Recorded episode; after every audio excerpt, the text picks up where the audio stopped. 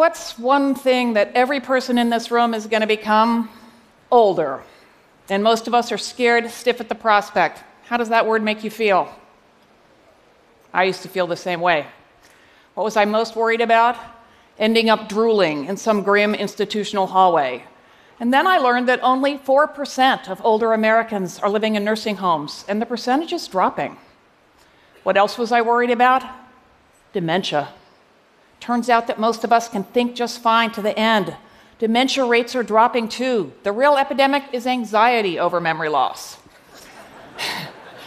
I also figured that old people were depressed because they were old and they were going to die soon. it turns out that the longer people live, the less they fear dying, and that people are happiest at the beginnings and the ends of their lives. It's called the U curve of happiness.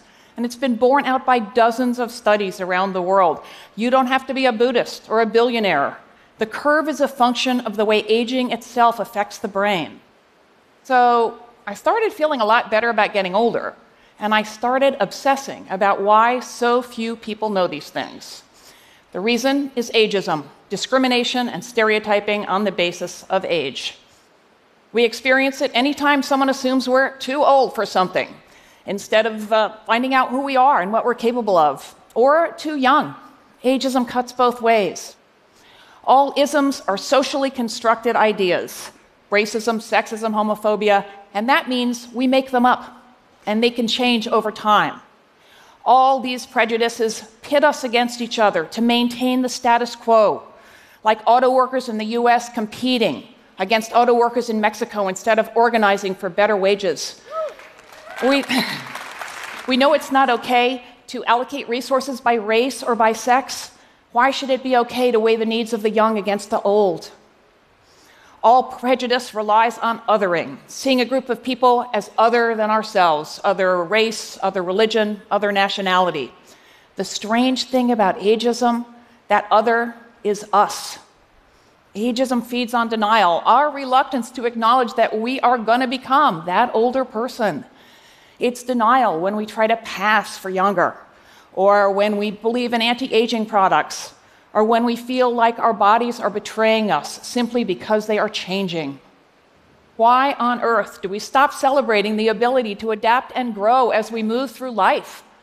Why should aging well mean struggling to look and move like younger versions of ourselves? It's embarrassing to be called out as older until we quit being embarrassed about it. And it's not healthy to go through life dreading our futures.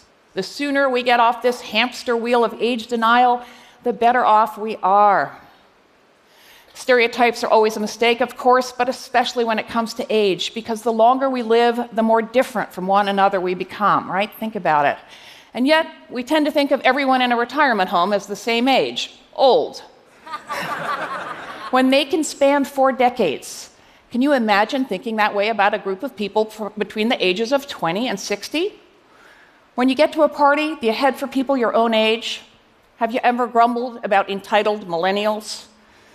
Have you ever rejected a haircut or a relationship or an outing because it's not age appropriate? For adults, there's no such thing. All these behaviors are ageist. We all do them, and we can't challenge bias unless we're aware of it. Nobody's born ageist, but it starts in early childhood, around the same time attitudes towards race and gender start to form. Because negative messages about late life bombard us from the media and popular culture at every turn. Right? Wrinkles are ugly. Old people are pathetic. It's sad to be old. Look at Hollywood. A survey of recent Best Picture nominations found that only 12% of speaking or named characters were age 60 and up, and many of them were portrayed as impaired. Older people can be the most ageist of all because we've had a lifetime to internalize these messages and we've never thought to challenge them. I had to acknowledge it and stop colluding. Senior moment quips, for example, I stopped making them when it dawned on me that when I lost the car keys in high school, I didn't call it a junior moment. like I stopped blaming my sore knee on being 64. My other knee doesn't hurt, and it's just as old. We are all worried about some aspect of getting older, whether running out of money, getting sick, ending up alone, and those fears are legitimate and real. But what never dawns on most of us is that the experience of reaching old age can be better or worse depending on the culture in which it takes place. It is not having a vagina that makes life harder for women, it's sexism. It's not loving a man that makes life harder for gay guys, it's homophobia. And it is not the passage of time that makes getting older so much harder than it has to be. It is ageism. When labels are hard to read, or there's no handrail, or we can't open the damn jar, we blame ourselves, our failure to age successfully, instead of the ageism that makes those natural transitions shameful and the discrimination that makes those barriers acceptable. You can't make money off satisfaction, but shame and fear create markets, and capitalism always needs new markets. Who says wrinkles are ugly? The multi billion dollar skincare industry. Who says perimenopause and low T and mild cognitive impairment are medical conditions? The trillion dollar pharmaceutical industry. The more clearly we see these forces at work, the easier it is to come up with alternative, more positive, and more accurate narratives. Aging is not a problem to be fixed or a disease to be cured. It is a natural, powerful, lifelong process that unites us all. Changing the culture is a tall order, I know that, but culture is fluid. Look at how much the position of women has changed in my lifetime, or the incredible strides that the gay rights movement has made in just a few decades, right? Look at gender. We used to think of it as a binary, male or female, and now we understand it's a spectrum. It is high time to ditch the old young binary too. There is no line in the sand between old and young after which it's all downhill. And the longer we wait to challenge that idea, the more damage it does to ourselves and our place in the world, like in the workforce, where age discrimination is rampant. In Silicon Valley, engineers are getting Botox and hair plugged before key interviews. And these are skilled white men in their 30s, so imagine the effects further down the food chain. The personal and economic consequences are devastating. Not one stereotype about older workers holds up under scrutiny. Companies aren't adaptable and creative because their employees are young.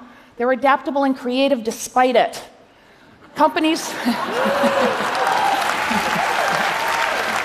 we know that diverse companies aren't just better places to work, they work better. And just like race and sex, age is a criterion for diversity. A growing body of fascinating research shows that attitudes towards aging affect how our minds and bodies function at the cellular level. When we talk to older people like this, or call them sweetie or young lady, it's called elder speak, they appear to instantly age, walking and talking less competently. People with more positive feelings towards aging walk faster, they do better on memory tests, they heal quicker, and they live longer. Even with brains full of plaques and tangles, some people stayed sharp to the end. What did they have in common? A sense of purpose.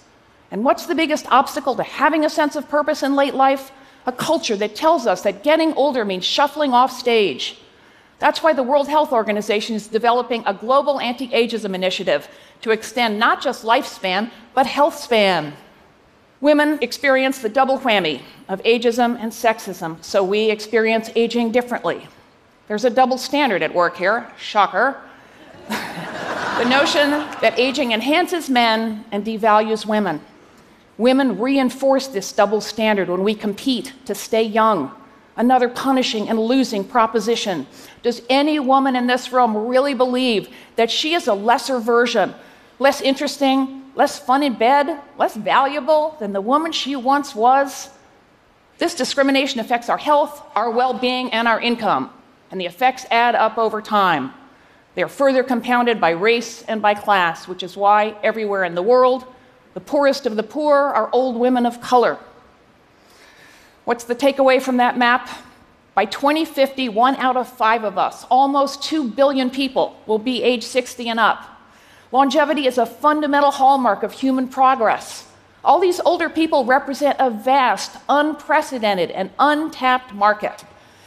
And yet, capitalism and urbanization have propelled age bias into every corner of the globe, from Switzerland, where elders fare the best, to Afghanistan, which sits at the bottom of the global Age Watch Index. Half of the world's countries aren't mentioned on that list because we don't bother to collect data on almost 2 million people because they're no longer young. Almost two thirds of people over 60 around the world say they have trouble accessing health care. Almost three quarters say their income doesn't cover basic services like food, water, electricity, and decent housing. Is this the world we want our children, who may well live to be 100, to inherit? Everyone, all ages, all genders, all nationalities, is old or future old. And unless we put an end to it, ageism will oppress us all. And that makes it a perfect target for collective advocacy. Why add another ism to the list when so many, racism in particular, call out for action? Here's the thing we don't have to choose. When we make the world a better place to grow old in, we make it a better place in which to be from somewhere else, to have a disability, to be queer, to be non rich, to be non white. And when we show up at all ages for whatever cause matters most to us save the whales, save the democracy we not only make that effort more effective, we dismantle ageism in the process. Longevity is here to stay. A movement to end ageism is underway. I'm in it, and I hope you will join me.